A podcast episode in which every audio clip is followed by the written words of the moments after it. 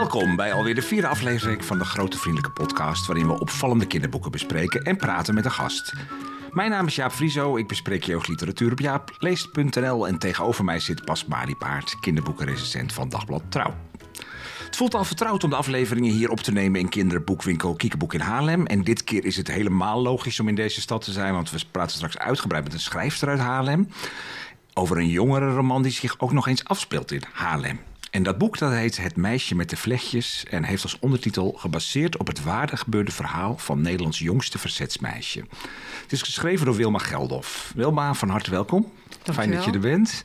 Ja, Wilma, jij, uh, ik ga meteen even vertellen wat je allemaal hebt gedaan in je leven. Jij werkt uh, in de geestelijke gezondheidszorg en bij de Raad voor de Kinderbescherming. En ondertussen ben je ergens kinderboeken gaan schrijven. 17 uh, jaar geleden um, debuteerde je met Kiki op zoek naar Tom. En daarna schreef je zeven realistische boeken voor iets oudere jeugd met titels als Rosa Rotmeid, Nathans Val en nu komt er een piepje, Bitch. in 2014 uh, verraste je ons in elk geval. En uh, heel veel meer mensen volgens mij met je jongere roman Elke dag een druppel gif. En dat ging over een jongen die, of gaat, want het boek bestaat nog steeds, over een jongen die opgroeit in een NSB-gezin. En ook dat was gebaseerd op een, uh, op een waar gebeurd verhaal. Dat boek kreeg ontzettend veel aandacht. En je hebt er de Thea Beckman-prijs mee gewonnen. De prijs voor het beste geschiedenisboek voor jongeren of kinderen. Maar ik heb er ook ontzettend veel volwassenen trouwens om me heen een plezier mee gedaan. Uh, veel cadeau gedaan, dat boek. We gaan straks met je praten over je nieuwe boek, Het meisje met de vlechtjes. En dat gaat dus ook over de Tweede Wereldoorlog. Het is het verhaal van Freddy Overstegen, een meisje dat als 17-jarige bij uh, de gewapende verzetsgroep in Haarlem kwam, waar ook de beroemde. Sorry? Ja, veel eerder al hoor. Veel eerder? Ja. Oh, haar, uh... ben ik zo slecht geïnformeerd. terwijl ik het hele boek gelezen heb, Wilma. Ja, ze was uh, nog 15 toen ze bij die verzetsgroep kwam. Oké, okay, zo ja. en in jouw boek ook, want je hebt natuurlijk wel wat dingetjes aangepast, maar in jouw boek is ze ook 15. Nou, mea culpa. Ja. Mea culpa. Um, dus als 15-jarige kwam ze bij uh, de gewapende verzetsgroep in Haarlem, waar later ook de beroemde Hannie Schaft zich bij aansloot. Jij voerde gesprekken met uh, Freddy, maar ze heeft de verschijning van dit boek uh, helaas niet meer kunnen meemaken, want ze overleed in uh, september 2018. Een dag voordat ze 93 zou worden. Dat moet wel heel raar voor jou zijn geweest. Want je had het verhaal genoteerd en ze was weg. Ja, heel erg jammer dat ze er niet, ja, dat ze niet bij de presentatie, dat ze het boek niet kon meemaken. En um, ja, ik kan er een heleboel over zeggen. Um, Heeft ze het gelezen? Nee, maar dat zou ze denk ik sowieso niet doen hoor. Daar was ze toch te oud voor. Maar toen ik bij haar kwam, het eerste wat ze zei was: ik ga, ik, ik ga het niet doen. Ze wilde het niet. Gaandeweg veranderde dat. En ze was heel blij met het boek. En uh, het was erkenning. En ze was er heel blij mee. Ze was alleen al blij met de foto in de brochure van de uitgever. Dus het had, heel veel voor de betekend. En dit ook al. Maar het is jammer dat ze het niet heeft mee kunnen nee, laten. Maar dat heeft ook bijna iets symbolisch. Ze heeft dat verhaal verteld. Hè? Symbolisch zou ik zeggen. En ze heeft het verhaal verteld. En, en weg is ze eigenlijk ook. Zo van alsof het echt een soort afronding... Uh... Ja. Is, ja, ja, ik had erg gehoopt dat ze dit nog had mee kunnen ja. maken. Ja. ja. Maar ja, over die erkenning. Het viel ons wel op uh, toen we dit uh, gesprek voorbereiden... dat haar overlijden in de internationale media echt enorm veel aandacht ja. heeft gekregen. Ik heb hier een artikel uit The Guardian voor me liggen. The Dutch Teenager Who Resisted the Nazis. Ja. En, uh, maar ook de Washington Post, de New York Times. Overal grote artikelen. In Nederland is, heeft haar overlijden helemaal niet zoveel aandacht gekregen. Hoe verklaar je dat? Ja, kan ik niet verklaren. Nou, in Nederland heeft het wel in de Volkskrant een klein stukje gestaan, maar heel weinig. En over de hele wereld inderdaad, ja, heel veel kranten, heel veel. En um, vier jaar geleden kreeg uh, Freddy van Rutte het uh, mobilisatiekruis uitgereikt. Dat betekende ook heel veel voor haar. Bijna 70 jaar heeft ze moeten wachten op die erkenning voor haar verzetsverleden, waar ze toch bijna haar leven voor heeft gegeven. En uh, ja, na de oorlog had het te maken met het communisme, dat wat, wat een beetje aan haar kleefde, dat, dat zij die erkenning niet kreeg. Maar die erkenning in het buitenland zo gigantisch, in tegenstelling tot Nederland, kan ja, ik niet heel, goed verklaren. Heel nee. apart, ja. Maar wilde ze het wel? Want ze was ook al tegen jou, zei ze ook meteen van, ik, het hoeft eigenlijk niet. Was ze daar ook een beetje dubbel ja. in? Haar zus, Truus, die Ja, Truus trad veel meer in de bekendheid. En die is uh, kunstenaar geworden. En die gaf lezingen. En zij wilde dat niet. Maar tegelijkertijd stak het ook. Ja, want ze Ja. zat samen dus met haar, haar zus Truus Menger, heette die later, ook Ja. overstegen natuurlijk. Zat ze in die verzetsgroep. hè. En Harnie Schaf natuurlijk, die iedereen kent als Ja. het meisje met het rode haar. Ja. Nou ja, we praten straks verder over je contact met Freddy en de manier waarop je haar verhaal eh, eh, tot een boek hebt gemaakt. Maar eerst bespreken we natuurlijk weer drie opvallende Ja. boeken van de laatste tijd. Jaap, vertel. Ja, ik heb eh, bovenop de stapel de Schelmenstreken van Reinaard de Vos eh, gelegd. Dat is uitgegeven bij eh, uitgeverij Hoogland en Van Klaveren. Die hebben eerder een... eh, een eh, boek over Odysseus, een beetje in dezelfde vormgeving en stijl uitgegeven. Dat was bewerkt, al die verhalen door Daan de Vries. En deze verhalen zijn, of nou, dat is eigenlijk één verhaal hè, van Reinaard de Vos, is bewerkt door, door Koos Meinders. En het mooie van het boek is dat ze dan in dit geval twintig Nederlandse illustratoren hebben gevraagd om bij ieder verhaaltje een, een tekening te maken. Dus al die illustratoren doen natuurlijk ontzettend hun best op die ene tekening om daar een hele mooie illustratie van te maken. Ja, dat pakt Goed echt gelukt, hè? Geweldig gelukt. uit. Ja, dat is echt zo mooi. Weet je, iedere print is dan gewoon weer een, nou ja, een, een nieuwe en echt een cadeautje op zich. Ja, en ik ben dol op dat verhaal. Het is natuurlijk een enorme boef, die, eh die Reinhard de Vos. Nou ja, meer dan een boef. Hè. Het is gewoon echt een, een kwaadaardig monster eigenlijk. Want hij kijkt echt niet op een lijk meer of minder. En Jij noemde hem de Holleder ja, van het is een beetje de Holleder hè? eh, van die tijd. Ja, nou ja, vooral zei ik dat omdat hij de.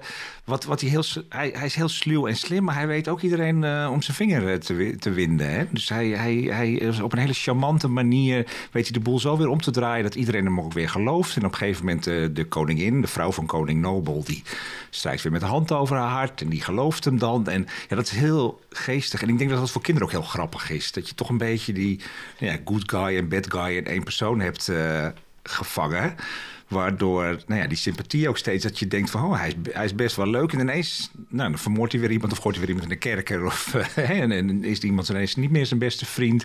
Ja, dat heeft, vind ik een vrij... eh, ja, geestige uitwerking hebben. En het is een hele mooie taal geschreven. Het is een beetje een combinatie van moderne en archaïsche taal. Dat is ook echt wel die, nou ja, die schelben. Alleen het woord schelbenstreken is natuurlijk al, eh, al geweldig. Hè? En dat komt in dat hele boek, blijft daar ook wel een beetje in, eh, in doorgaan. Ja, en hij doet ook geen moeite, Koos om eh, eh, het geweld en de pikanterietjes die erin zitten, om die eh, weg te schrijven. Hè? Het blijft nee, allemaal zitten. Nee, vind ik wel fijn. Want dat zou het verhaal, weet je, als je hier een beetje een zoet verhaal van gaat maken, dan gaat alle kracht er ook wel uit. Die, die, die Reinaard is gewoon een, ja, een sluwe, slimme, gemene, valse Ja. boef. Ja. Maar toch, en, ja, en dat- dat, en dat blijft er gewoon, eh, gewoon in zitten. Maar je moet daar geen, toch een beetje braverik, geen concessies aan doen. En dat heeft Koos ook niet, eh Koos Meinders ook niet gedaan. Ik moest meteen denken aan het boek van Lida Dijkstra van een aantal jaar Ja, geleden. Verhalen van de Vossenbroertjes. Verhalen van de? Vossenbroertjes, ja. Dat is een, eh, een bewerking ook. Of nou, het is niet een bewerking, maar het is hierop gebaseerd. En zij heeft de zonen van Reinaard, de twee zoontjes,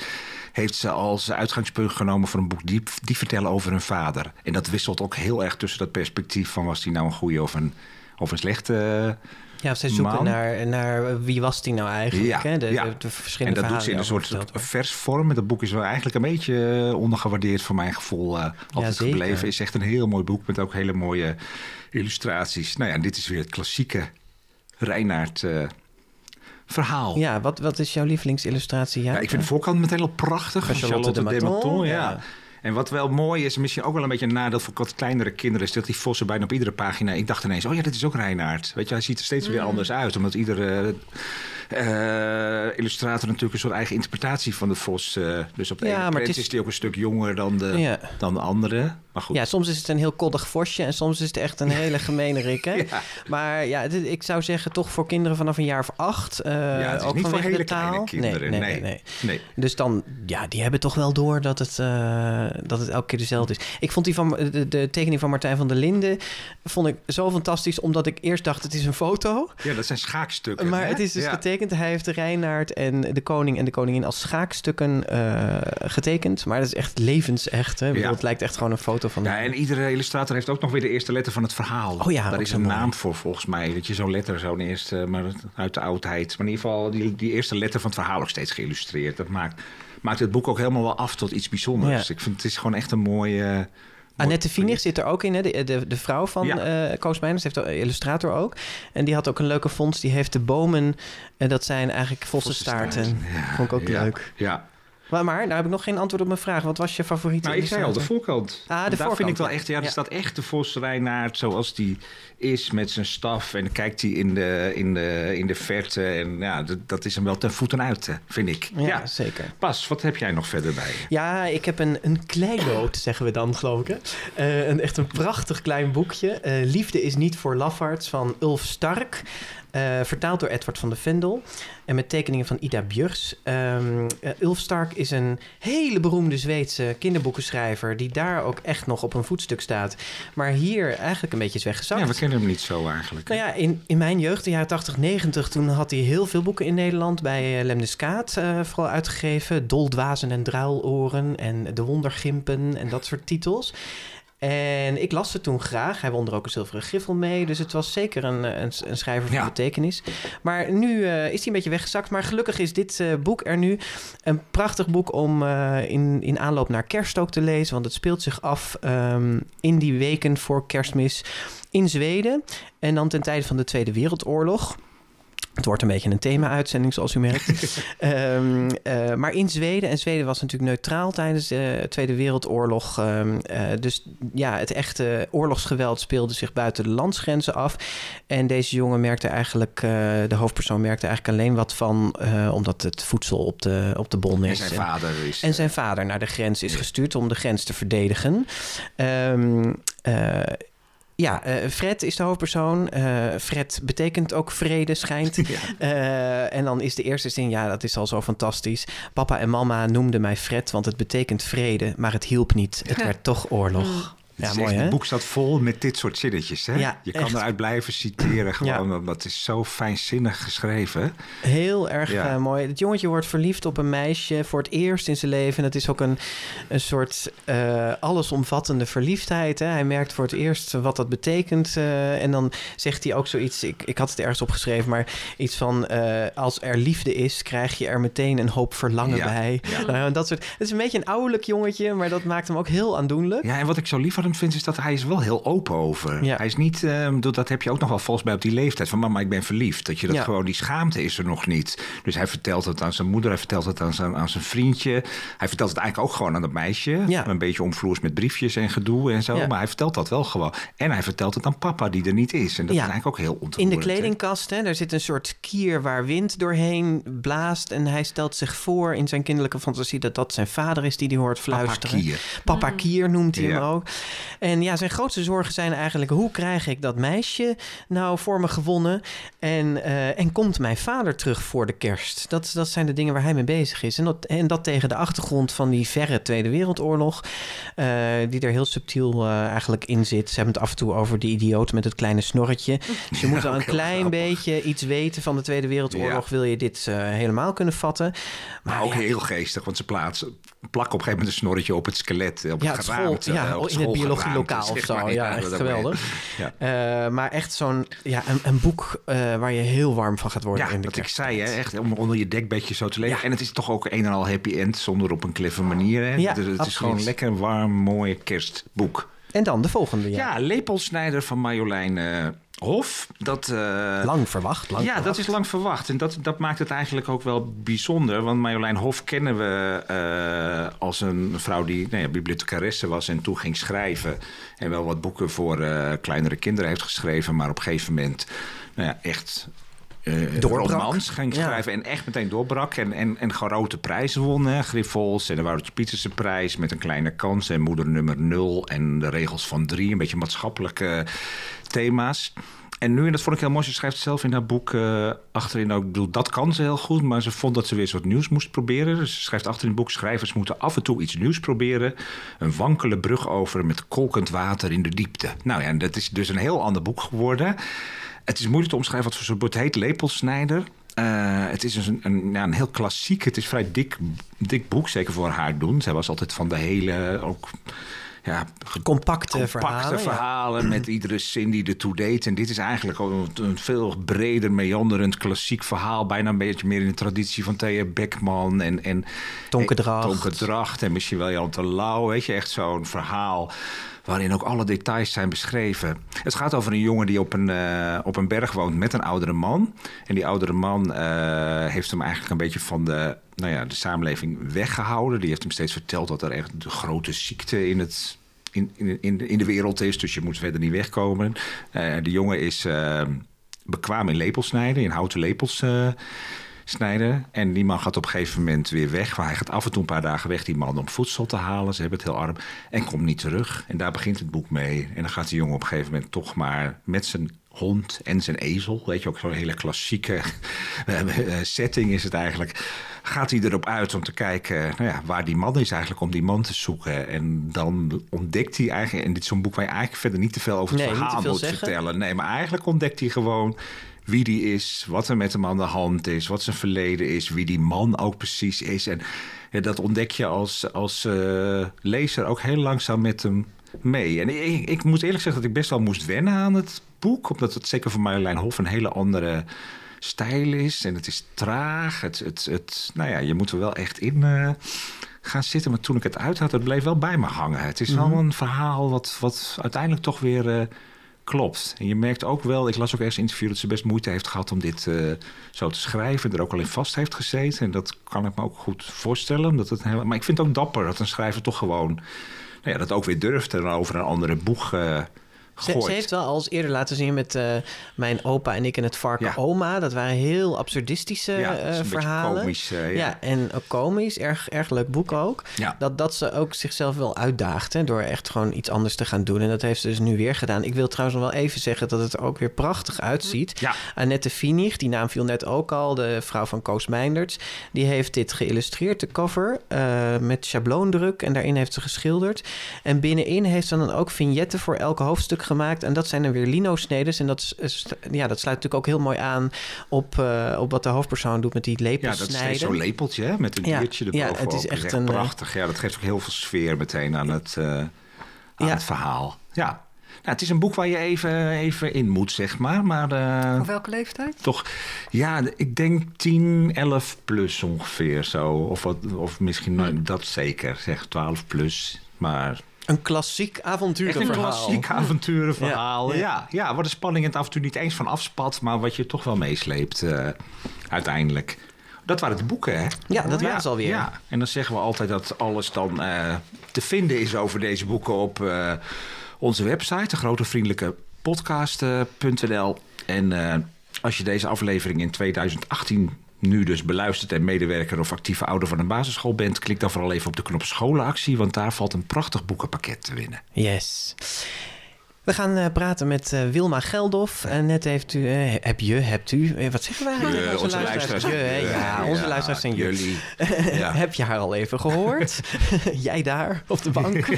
of, ja, goed, in de auto. Je wou even iets zeggen. hè? Ik wou even iets zeggen. Ja, voordat we aan het gesprek beginnen, wou ik even zeggen dat mochten er nu hele jonge kinderen meeluisteren, eh, dat het dan misschien verstandig is om eh, verder te luisteren op een ander moment in je eentje. Want we gaan het over het gewapend verzet hebben en er komen ook wel best heftige fragmenten voorbij.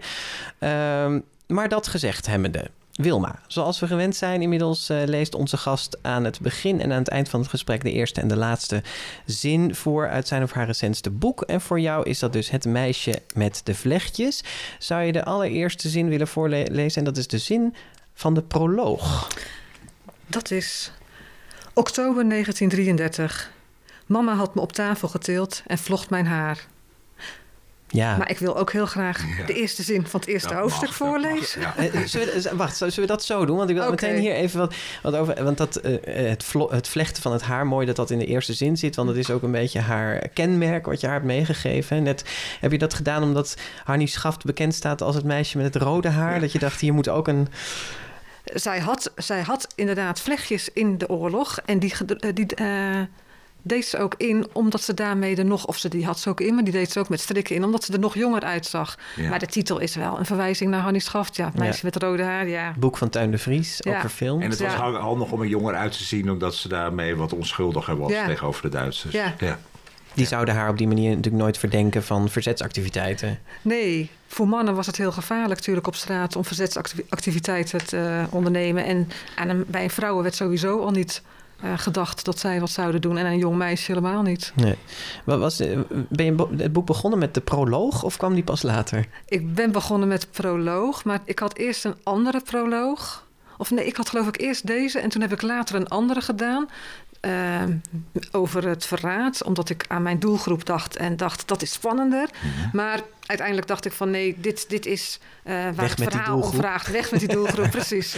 En eh, ja, nee, daar moet ik, denk ik ook liever niet aan. En dit is waar het verhaal om vroeg. En Ja, want het is een, Is ik vind een hele mooie proloog. Het, het, het beschrijft eigenlijk een soort conflict tussen eh, Freddy en, en de bovenmeester hè, op school.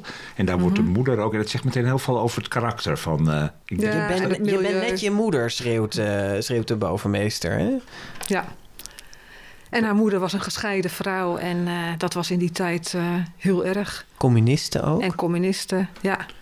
Arm, ja. Nee, de proloog laat wat zien waar zij vandaan komt. Ja, maar ook Ja. dat ze niet meteen op haar mondje is gevallen... en niet al te bangelijk is uitgevallen. Nee, en dat haar moeder eh, geeft haar ook die opdracht. Hè? Ja. Zij moet zelf... eh, eh, Voor zichzelf opkomen. ja, ja. Ja. Nou, dan mag je nu die zin, de, de, de echte eerste zin voorlezen. Het is een korte hoor. Dit is het begin. Augustus 1941. Ja. Vier woorden. V- ja. Vier woorden. Ja. Ja, Het begin. Augustus, augustus 1941. 41. Ja.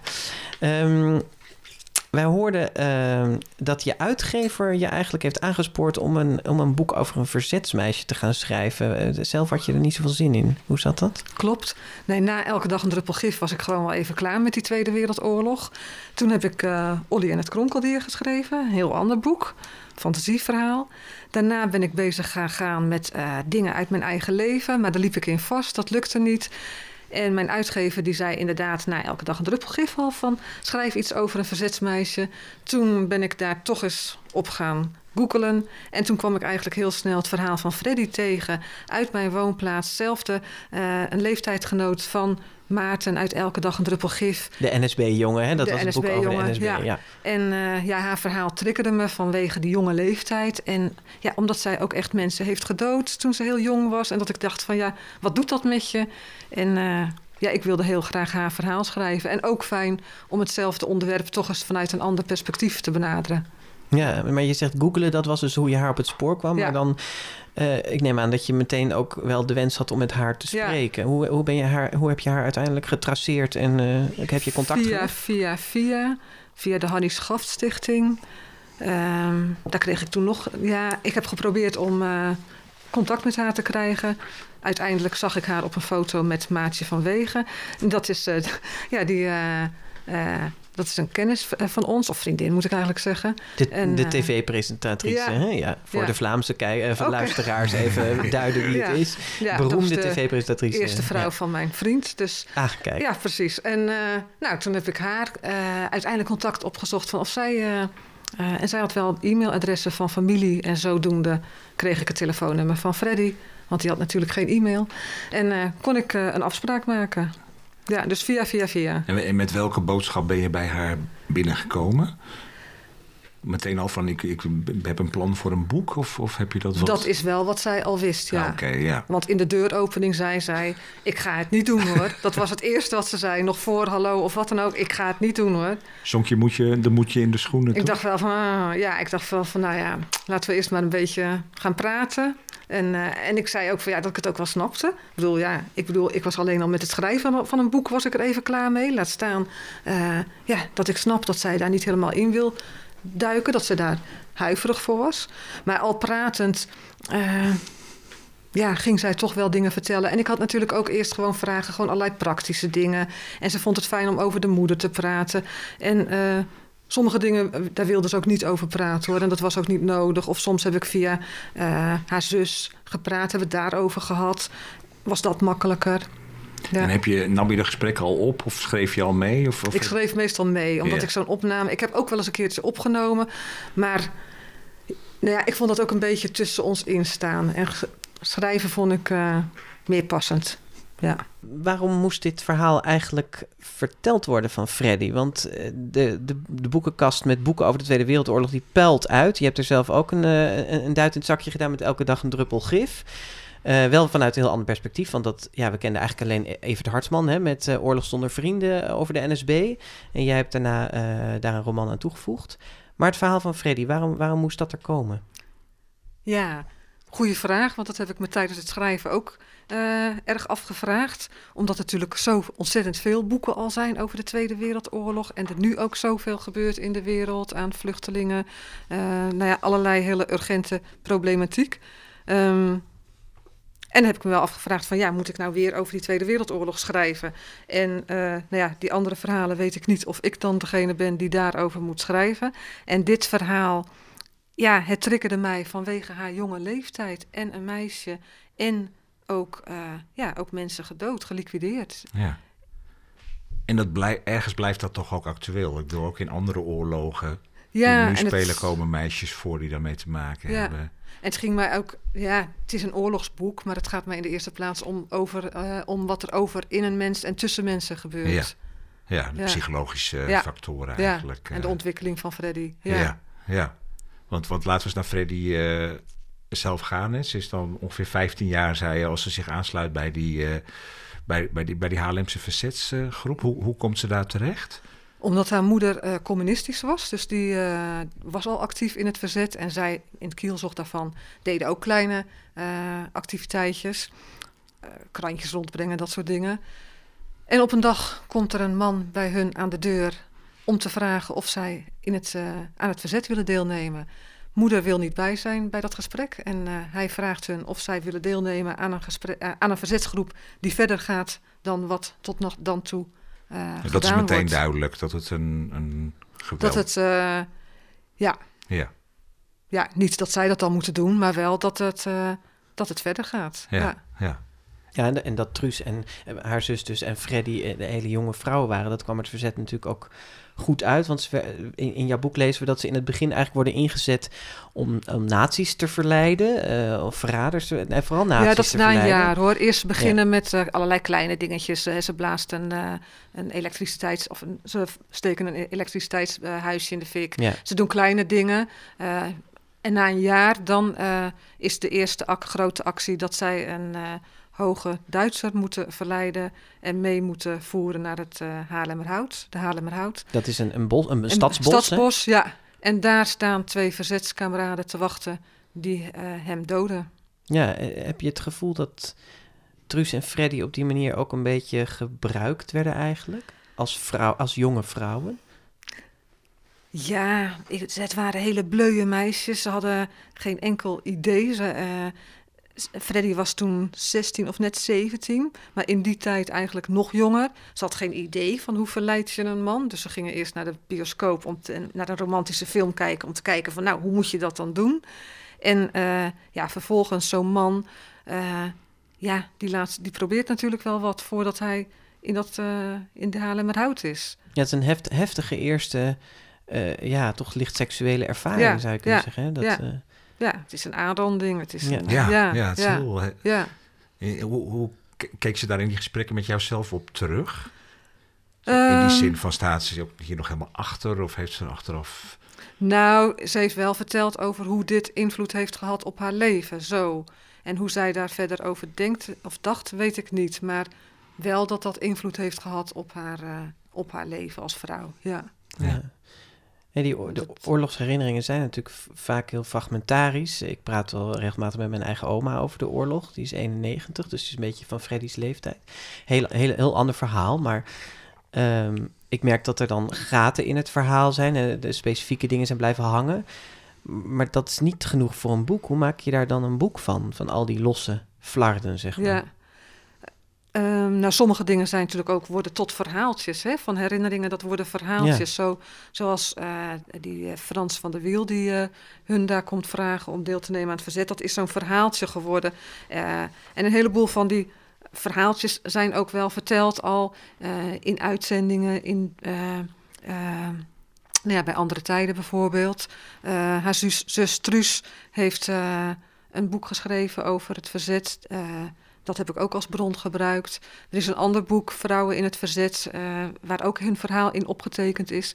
Maar een heleboel dingen heb ik natuurlijk ook verzonnen. Er zijn ook dingen, Peter in het boek, die heb ik verzonnen. Die is niet, uh, Eh, Ja, dat is de, de jongen of de vriend waar ze nou, min of meer verliefd op is. Ja. En die ook wel Heel wat verliefd. voelt. Ja. Ja, ja. Ja. Maar en, oh, dat, het lijkt me wel heel apart om dan, zeker als zo iemand nog leeft, om dan die gaten zelf te gaan, gaan zitten dichten. Dat je denkt, ja, hoe ver kan ik daarin gaan of wat mag ik eigenlijk Ja, maar verzinnen? het stond wel heel erg voor mij voorop dat het fictie is. Maar je hebt Dat, wel haar eh, eigen naam gebruikt, hè? In Dat was, tegenstelling. ik, ja, dat was ik niet van plan. Ik wou een andere. Ik had al een andere naam. En voor haar zus had ik een andere. Voor iedereen. Ja. En toen zei zij zelf van, oh, wat jammer. En toen dacht ik, oh, nou, als jij het goed vindt... Want ik vind Freddy een hele leuke naam, heel fijn. Als je het goed vindt, dan, eh, ja, dan doe ik Truus, het, eh, Freddy. Ja. En toen had ik voor Truus nog Trace, had, zij, had eh, Freddy bedacht. Ja. En later, ja, toen vond, ja, zij vond het sowieso goed om de echte namen te Ja, gebruiken. Maar en, toch is eigenlijk Freddy uit het boek is niet... Het is fictie. Het is absoluut Ja. fictie. En ook sommige dingen, bijvoorbeeld met haar moeder. Voor Freddy was haar moeder toch wel heilig. En ja, ik vind van haar moeder heeft haar ook, ook ja, niet echt beschermd. Kun je even dat je- stukje voorlezen? Want dat is wel mooi. Dat, dat op een gegeven moment dan besluiten ze toch eigenlijk om, de, om die verzetsgroep in te gaan. Hè? En haar, eh, ja, haar, moe- haar moeder eh, geeft, ze ge- geeft mee. wijze raad. of Maar die zo geeft een wijze ja. raad eigenlijk. Ja. Eén ding. Ik weet niet precies wat jullie gaan doen en dat weten jullie zelf ook nog niet. Maar blijf altijd menselijk. Nooit als de vijand worden. Geen vuile handen maken. Geen opdracht is opdracht. Altijd zelf blijven nadenken. En dan zegt ze: geen mensen doden, al zijn ze nog zo slecht. Tja, Tja. Ja, nou, Freddy's moeder, eh, die eh, heeft, eh, die, dat vertelde zij, ehm, nooit als de vijand worden, geen vuile handen maken, dat heeft ze gezegd. Ja. Ik heb er zelf aan toegevoegd, geen mensen doden, al zijn ze nog zo slecht, Ja. omdat dat het conflict wat aanscherpt. Ja. Want dat is natuurlijk wel wat ze gaat doen. Dus daarin heb ik, eh, en dat die moeder dat zegt en dat zij dat toch gaan doen, het, dat zorgt ook voor een verwijdering. Terwijl in het echt was Freddy, ja, haar moeder was wel een beetje heilig voor haar. En ja, dat heb ik veranderd in het boek. Ja. Ja. Maar toch nog even terug naar mijn vraag van net. Van, eh, ja, hoe ver kun je gaan in het, in het fictionaliseren van zo'n waar gebeurd verhaal? Eh, heb je daar ergens twijfels gehad bij van kan ik dit maken of niet? Zeker omdat je toch haar echte naam gebruikt. Jaap zei het net al heel kort even in Elke Dag een Druppel Gif. Dat is gebaseerd op het leven van Dick Woudenberg. Die opgroeide in een, eh, in een Mhm. NSB-gezin. Maar je hebt hem heel duidelijk Maarten genoemd in, het, Mhm. in het boek. Dus dat echt losgekoppeld van Ja. hem. Dus hier zit die koppeling er wel. Ja, En tegelijkertijd fictionaliseer je. ja, ja, bij Dick Woudenberg, die wou dat ook niet. Dat is, nee. nee. En Freddy wou dat wel. Maar ik heb alles wat eh, gedocumenteerd is, dat heb ik wel zoveel mogelijk, zoals dat in het echt ook is gebeurd, gebruikt. Ehm, gewoon historische feiten. En ehm, Ja, maar, bedoel, dingen- heb, je, heb je bijvoorbeeld daden toegevoegd die ze niet begaan heeft, maar die er wel nu in het boek staan? Ehm, ik heb haar eerste liquidatie. eh, is niet precies zoals die eerste liquidatie eh, werkelijk is eh, ge- gegaan. Maar wel hoe liquidaties gingen. Ja, ja. Maar Ja. of dit nu precies zo de eerste Nee. was, maar wel dat ze op de fiets en hoe ze opstonden te wachten. En, Want je bent Hoe die, natuurlijk ook schrijfster. Je bent geen journalist of Nee, hè, geen nee. documentaire. Je wilt ook echt een roman schrijven, neem ik ja, aan. ja. Dus ook die vrijheid hebben om... om ja, om hoe zij de dingen beleeft en de ontwikkeling die zij doormaakt. En daarin heb ik haar eh, ja, misschien ook wat introspectiever gemaakt zou kunnen.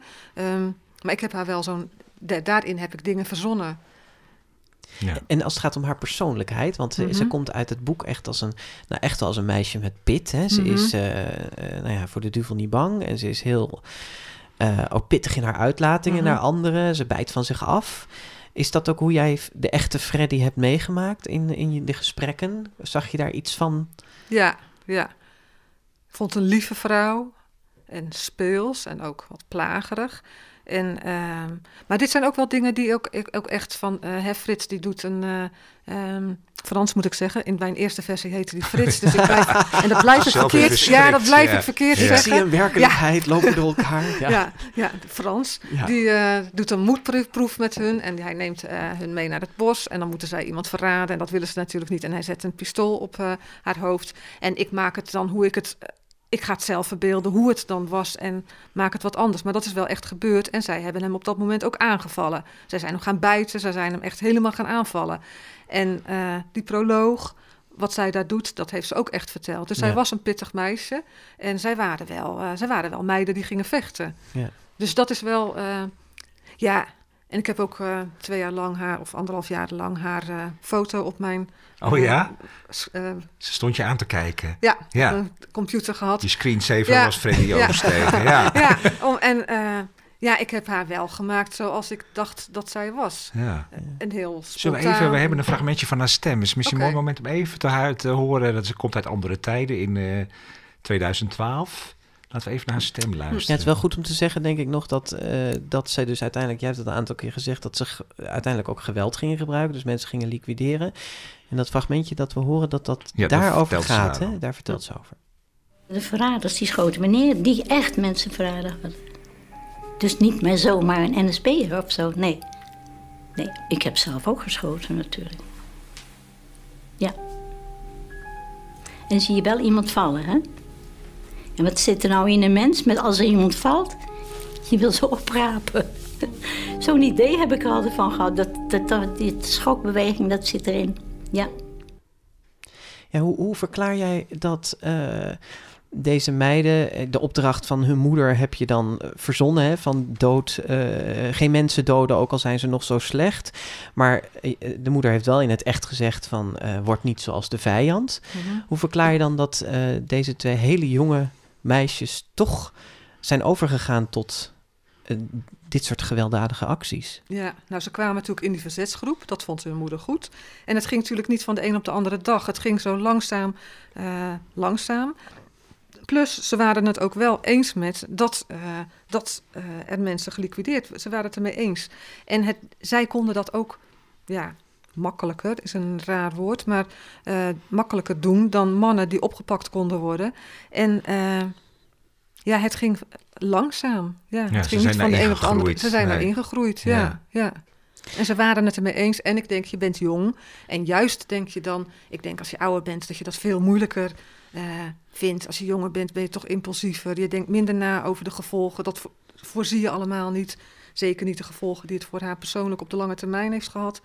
Daar had ze allemaal geen idee nee, van. Nee. Maar als je dit fragmentje ook hoorde, dan beseft ze zich wel dat iemand doden toch een heel ding Ja. is. Hè? Ze zegt van ik wil Ja. eigenlijk toch iemand opvatten. Het Ja, het is een soort, ja. het is een Maar reflex soort- die niet bij de mens past, Nee, zeg maar. precies. En dat soort dingen heb ik ook wel in het boek allemaal gebruikt. Al die dingen in, die zij zegt in eh, interviews. En, Ja, eh, ik vind dat ja. heel fascinerend hoe, Ja. dat, hoe dat werkt. Hè? Dat is, Ja. Daar gaat het boek eigenlijk ook Ja. over. Van, ja, tot hoe ver kun je gaan? Wat, het is, het wordt is, niet zoals de vijand. Ben, Het je- hoort ben- niet bij een mens om iemand Nee. te, te doden. maar ja, het was Nee. oorlog. Ja. Kon je, kon je erover praten met haar over die liquidaties zelf of heb je dat uit externe bronnen? Ik heb uit externe bronnen en ik heb. ehm, ja, ik heb met haar wel gepraat, net als wat zij hier dan vertelt in dat fragment. Ik bedoel, zo eh, vertelde ze daar eh, wel over.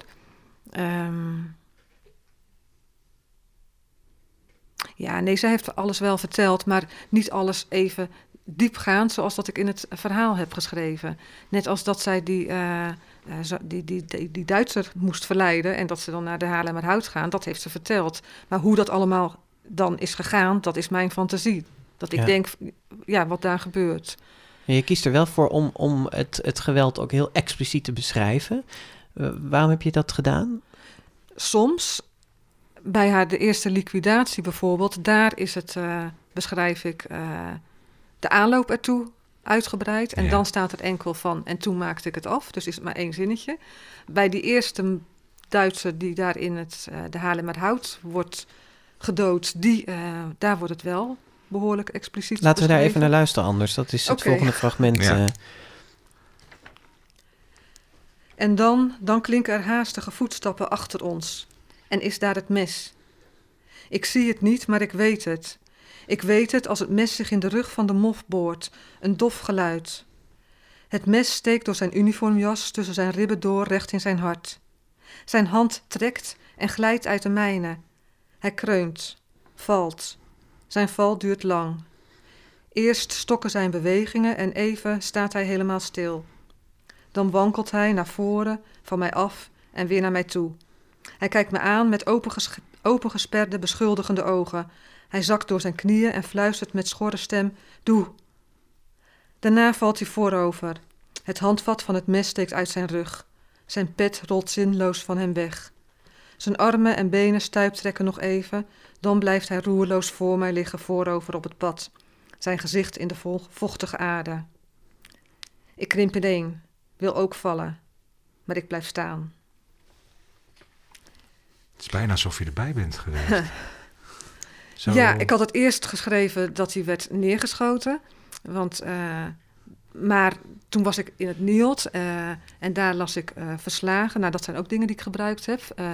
Het NIOD is het Instituut voor Oorlogsdocumentatie. Ja, En daar lees je hele uitgebreide verslagen. Dit was een verslag van, eh, van, van Frits.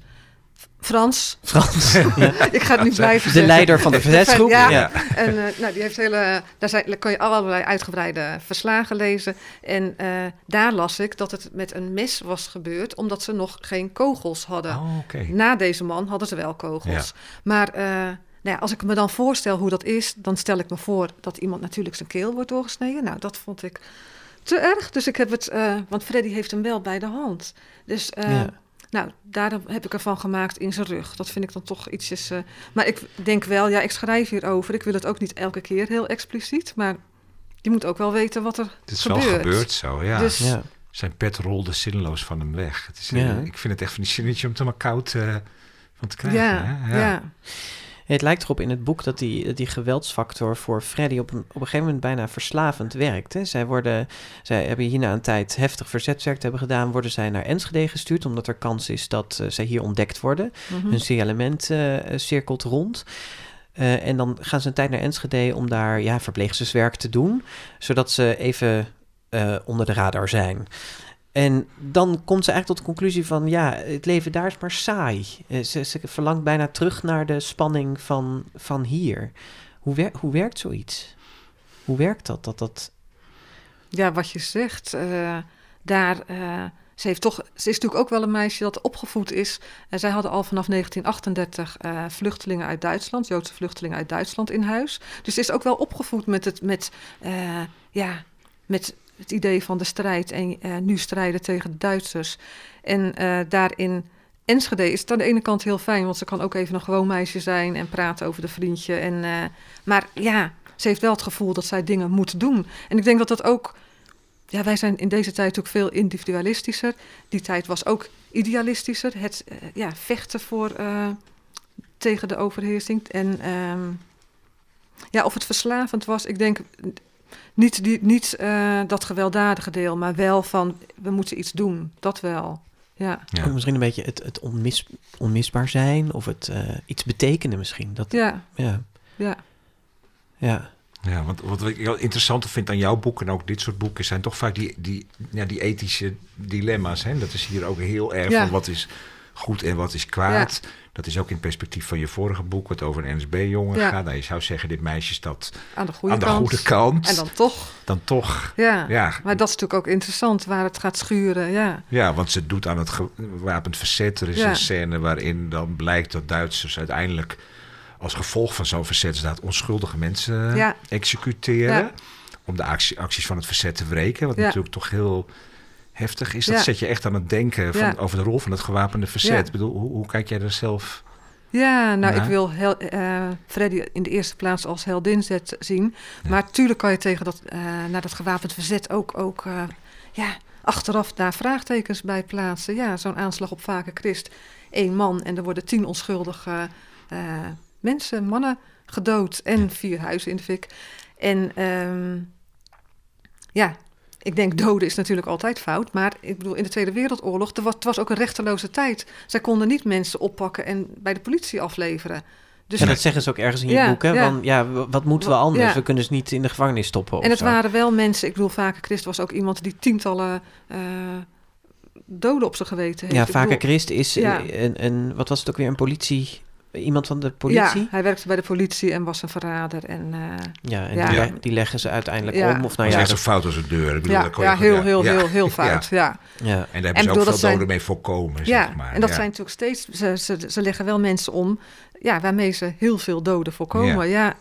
En ik bedoel, ja, is niets doen dan beter. Ik bedoel, Nee, maar, maar wat ik me eh, afvraag, bedoel, je, je schrijft Mhm. het op ook om Mhm. ons aan het denken te zetten, Mhm. denk ik. Of heb je er ook, wil je er ook een soort oordeel in? eh, Nou, ik heb, ik kan daar niet, eh, ik, ik heb daar niet een, eh, dat ik zeg van nou, dat is helemaal goed. Of, nee, want het is, en het, zijn ook, het is ook allemaal hoe je dat achteraf naar kijkt. Want ook, bijvoorbeeld achteraf blijkt ook dat in steden waar het verzet heel stevig was, dat daar ook weer meer Joden zijn opgepakt, omdat daar de Duitsers meer op dat verzet zat. En in het gevolg van die netwerken kwamen ze ook weer meer ondergedoken Joden op het spoor. Dus ja, ja, maar dat kan je natuurlijk van tevoren, ja. ja, ja. Maar eh, laat ik het anders anders vragen. Wat, eh, heeft het iets gedaan met jouw eigen denken over goed en fout? Je hebt dus eh, in elke dag een druppel gif over de foute kant geschreven, Mhm. nu over de goede kant, eh, als, je, als je het oppervlakkig Mhm. zou bekijken. Maar het blijkt eigenlijk in beide boeken dat er allerlei grijswaarden Ja. zijn. En Ja. eigenlijk kan je zeggen dat allebei Maarten, die eh, groeit op tot een overtuigd NSB-kind, zoals het eh, klopt volgens zijn gezin van herkomst. En Freddy groeit op tot een eh, verzetsmeisje, zoals het ook klopt eh, vanuit haar gezin van herkomst. Maar zijn opvoeding is dan eh, de- de, wat het doet voor de mens. of je de goede of de verkeerde keuze maakt. Nou, niet alleen natuurlijk, maar wel. kijk, als wij in India woonden, waren we Hindoe. als we, hè, bedoel, wel bepaalde dingen die je meekrijgt en wat, wat logisch is hoe je je ontwikkelt. En zeker op die leeftijd. Nou, dat is misschien dan het. Ja, want Ja, dat het voor, voor mensen van die leeftijd zo is dat je nog dusdanig aan je opvoeding hangt. Mhm. Of daar, hè, dat je dan je daar nog niet aan ontworstelt of zo.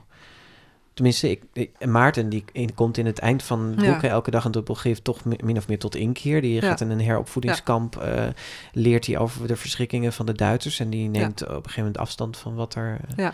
Gebeurd is en hoe hij heeft gedacht. Ja. En eh, bij Freddy is dat natuurlijk eigenlijk anders, want die blijft tot het eind van het boek eh, geloven in wat ze heeft gedaan. Ja, Ja. Die, die bestaat daarachter. Ja. en tot het eind van de leven. Ja, ja. Ja. Maar jij zegt, ik, ik heb er eh, echt als heldin willen positioneren, ook met dit boek. Ja, Je vindt haar een heldin. Ja, zo wil ik haar zien. Ook al vind ik dat aan het, over het verzet, het gewapend verzet, daar kan je achteraf een heleboel vraagtekens bij plaatsen. Maar ik vind niet dat ik over haar zou mogen schrijven als ik haar. Ja, ik vind dat ik wil haar als ik wil haar ook gewoon als Ja. heldin zien. Ja. Ja, Ja, ze heeft dappere dingen gedaan. ja, ja. Nou, dat zeker. Ja. Ja. Ja. Hey, je zei het net al even dat je die verliefdheid eh, tussen Freddy en Peter in het boek Mhm. hebt verzonnen.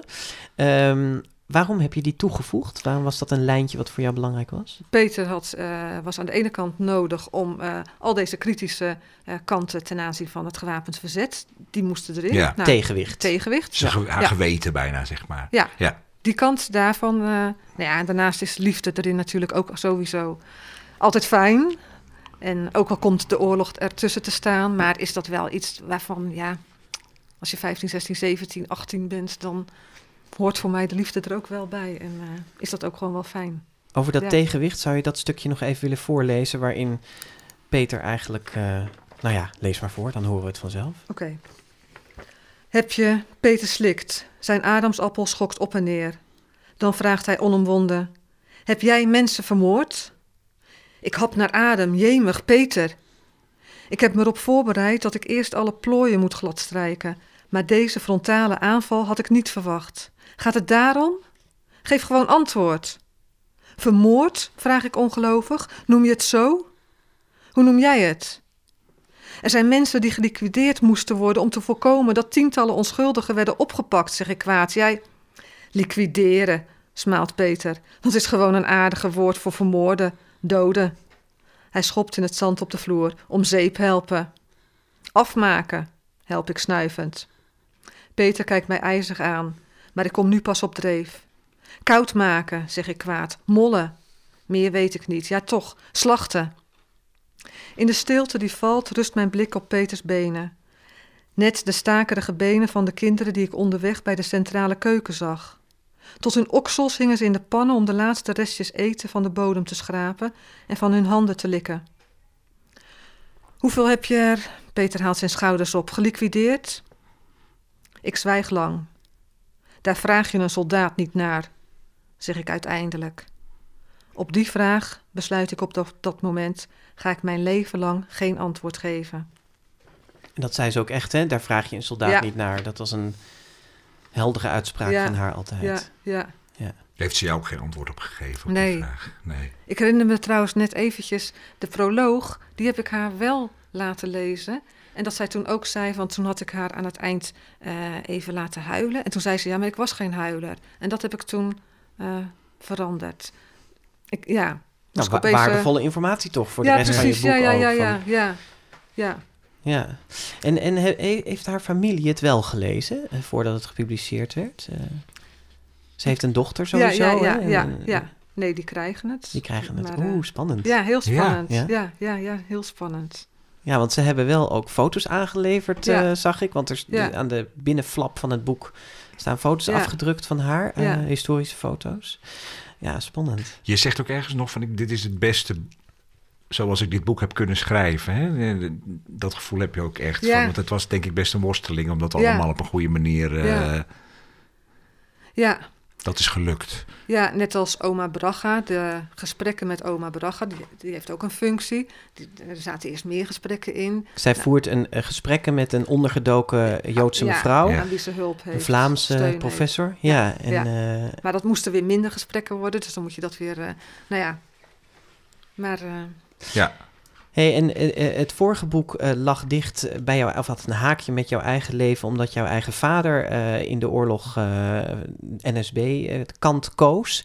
Jij bent van ver na de oorlog, dus je had een oude vader, dus Mhm. aanstekens. Ehm, maar dat was, heb je ook al eens eerder in een interview met mij, toevallig, Mhm, voor de Margriet gezegd, dat dat ook voor jou een manier was om dat, dat NSB-verleden uit te zoeken. mhm. En nu dit boek speelt zich af in je eigen stad. Dus dat heeft in zekere zin ook een soort raakvlak met je eigen leven. Kun je zeggen wat het, wat het moeilijkste was om te schrijven, dat boek? elke dag een druppel gif of, dit boek? of het meisje met de vlechtjes? Ehm, ja, vond ik elke dag een druppel gif moeilijker. Maar toen moest ik ook nog veel meer research van tevoren doen om helemaal in die oorlogssfeer te komen. Dat. En ja, het is bij allebei de boeken uiteindelijk van, goh, wat wil je nou zeggen met dat verhaal? Dat was bij allebei. eh, ja, het is heel verschillend.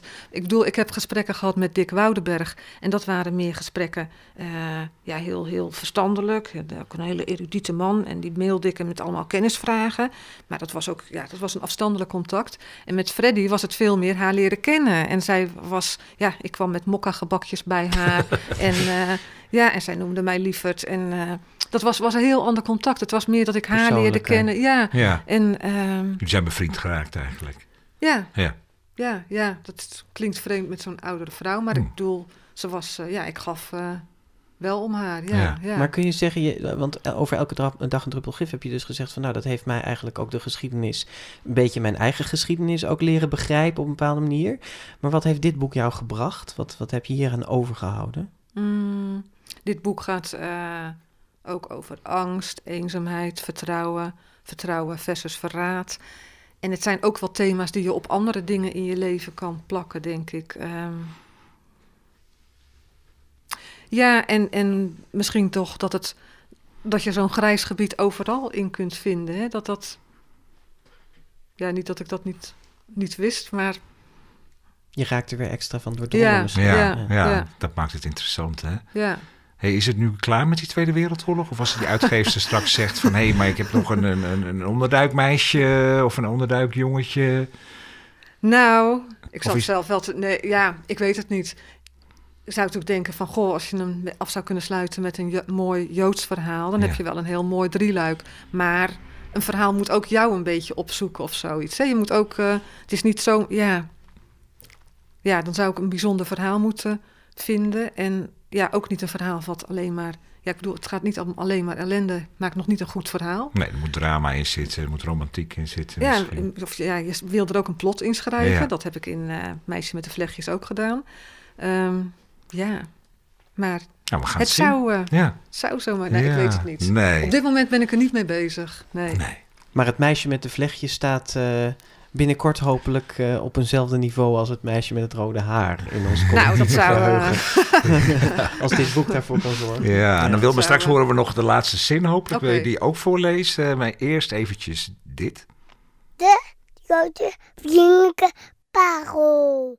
Het begint er al een beetje op te lijken, de boekenplank met de grote vriendelijke parels. Er staan eh, aantal boeken op die volgens onze gasten meer aandacht verdienen... omdat ze bijzonder zijn of van grote betekenis. Naast boeken van Jaap de Haar en Guus Kuijer zette Janneke Schotveld in de vorige aflevering... De oorlog die mijn leven redde van Kimberly Brubaker Bradley op de plank. En Wilma, jouw grote vriendelijke parel. Welk boek mogen we ernaast zetten? Ja, ik heb heel lang getwijfeld tussen twee eh, young adults. Ik geef je De Zon van Jandy Nelson en eh, De Cementen Tuin van Ian McEwan. Maar ik heb gekozen voor een, boek dat als kinderboek is uitgebracht. Winterijs van Peter van Gestel. Ook een eh, Tweede Wereldoorlog verhaal. Het wordt echt een Tweede Wereldoorlog Ja. plankje, onze, onze parels. Ja, Ja, sorry. Nou ja, er zijn gewoon mooie boeken over Ja, geschreven. ja. Ja, En, Waarom, en, waarom dit boek? precies, ja, dat is eigenlijk de dat vraag. kernvraag. Ja, Ja, eerst vertellen waar het over gaat? Of, eh? eh, ja, doe maar in, in heel kort Heel dan. kort, heel ja. kort. Nou, het gaat over een jongetje van tien, Thomas, Tommy, in 1947. Het is koud, zijn moeder is overleden, zijn vader is een lieve vader, maar die niet echt aan opvoeden toekomt, genoeg heeft aan zichzelf en zijn verdriet. Hij, eh, in zijn klas komt een jongen, Piet Zwaan, en die wil bevriend met hem raken. En dat is een jongen die tegenovergestelde is van Thomas. Hij is een beetje schoffie. Eh, Piet Zwaan, Zwaan, is een eh, beetje professorachtig typetje. En eh, de ouders van Zwaan, die zijn er ook niet meer. Heel laat in het boek vertelt Zwaan dat ze vermoord zijn in een concentratiekamp. En Tommy vraagt dan waarom. Waarop Zwaan zegt, weet jij dan helemaal niks? En dat is het mooie van het boek. Het is verteld vanuit eh die jongen van tien, die inderdaad gewoon helemaal niks weet. En eh, als lezer, ja, met meer kennis, voel je, eh, weet je heel veel meer. Dat geeft een mooie spanning en ja, dat maakt het heel, heel tragisch. Ja. En ik heb het boek gekozen omdat veel volwassenen luisteren en ik het eigenlijk een boek voor volwassenen vind. Omdat je wel gewoon leeservaring nodig hebt en eh, kennis, want anders, ja, anders pak je die onderlaag niet. En zonder die onderlaag kun je als kind denken van nou, saai verhaal, er gebeurt niet veel. Maar het is prachtig en het is prachtig geschreven en het is ook licht en er zit humor in, in de dialoog. Het is heel, ja, het is prachtig. Ja. En ik zou er willen, voor willen pleiten dat het uitgegeven wordt voor volwassenen. Oké, Ja, ja, dat is absoluut. interessant. Hè? Ja. Want het is wel een groot succes geworden. Het heeft veel prijzen gewonnen. Het wordt nu in, in, in deze tijd van lampjes succes ook weer veel aangehaald. Omdat het ook die grote prijzen heeft eh, gewonnen. En er is in februari alweer de negende druk verschenen eh, in 2018. Dus het wordt ook steeds weer opnieuw uitgegeven. Dus in die zin heeft het wel erkenning. Ik denk ook wel dat het al wel veel door volwassenen gelezen Denk ik wordt, ook, eerlijk ja. gezegd. Ja. Hoor. Ja. En het heeft ook wel een, een, een cover nu die eh, misschien ook een iets volwassener publiek aanspreekt dan die eerste. Oh, wel, die eerste is ook prachtig met zo'n linnen rug. En, Ja. Oh, heel mooi boek. ja. Goed, nog even goed om te zeggen dat het meisje met de vlechtjes is uitgegeven bij Luiting Seidhof. En Wilma, het is natuurlijk maar een vraag, je mag nee zeggen, maar wil je de laatste zin van het boek voorlezen? Ja. Dit is het begin. Hey. en dat eh, doet mij denken aan die allereerste zin. ja. Ja. Ja. Daarom wou ik die zin ook zo graag Ja, ik snap hem, ja. Nou ja, misschien is, is dit, wel, dit gesprek wel het begin van een eh, indrukwekkende leeservaring voor heel veel van onze luisteraars. Wij zijn aan het einde van deze vierde aflevering van de Grote Vriendelijke Podcast. Wilma, heel erg bedankt dat je hier was. Dat je helemaal naar Haarlem bedankt. bent gekomen. Hè? Ja, het was een lange tocht. Ja, nee, maar heel fijn dat je er was en over nou, dit belangrijke, interessante boek hebt gesproken met, eh, met ons. Reageren op deze aflevering kan via onze website, grotevriendelijkepodcast.nl. Of op Twitter, Facebook, Instagram. En vergeet je niet te abonneren op de GVP in je podcast-app, waar je dit programma ook nog een beoordeling kunt geven. En wees daar eerlijk bij. Ja, en voor... Nou, niet te eerlijk Nee. hoor, alsjeblieft. ja. En voor al je Sinterklaas en kerstinkopen ben je natuurlijk welkom in kinderboekwinkel Kiekeboek aan de Gierstraat in Haarlem, waar wij ook vandaag weer welkom waren op 21 november 2018. Namen we dit op. Wij danken onze technicus Mark Brouwer. Graag tot half december. Dan Ja. zijn we er weer met een hele speciale, grote, vriendelijke eindejaarspodcast. Heel veel zin in, heel veel zin in. Ja. Luister maar even. Tot dan. Hoor je die sleebelletjes, Jaap? Nou en of zeg, moet het nou? Ja, natuurlijk. We gaan toch een extra lange eindejaarsaflevering maken met kerstlichtjes en nepsneeuw en oliebollen op tafel en een kerstmuts op. Oh ja, ja, ja, ja. Nou ja, daar gaan we het nog wel over hebben, Bas. Maar wat we zeker gaan doen is met drie gasten terugblikken op het bijna afgelopen kinderboekenjaar. Ja, en niet zomaar gasten. Hè. Er zitten drie winnaars aan tafel. Als eerste Annette Schaap, die met haar debuut Lampje zo'n beetje alle kinderboekenprijzen won. En Erna Sassen komt langs, winnares van de Gouden Lijst. En Edward van der Vendel, winnaar van een zilveren griffel en als vertaler van de prijs voor de Nederlandse kinderjury. Nou, dat is een toptrio toch? En dan hebben we het natuurlijk ook nog over de beste boeken van het afgelopen jaar en alle belangrijke gebeurtenissen op kinderboekengebied uit 2018. Ja, vlak voor de kerstvakantie online op de grotevriendelijkepodcast.nl en in je podcast-app. Ik heb er zin in. Zeker weten met sleebelletjes. Ja, laat ze maar komen.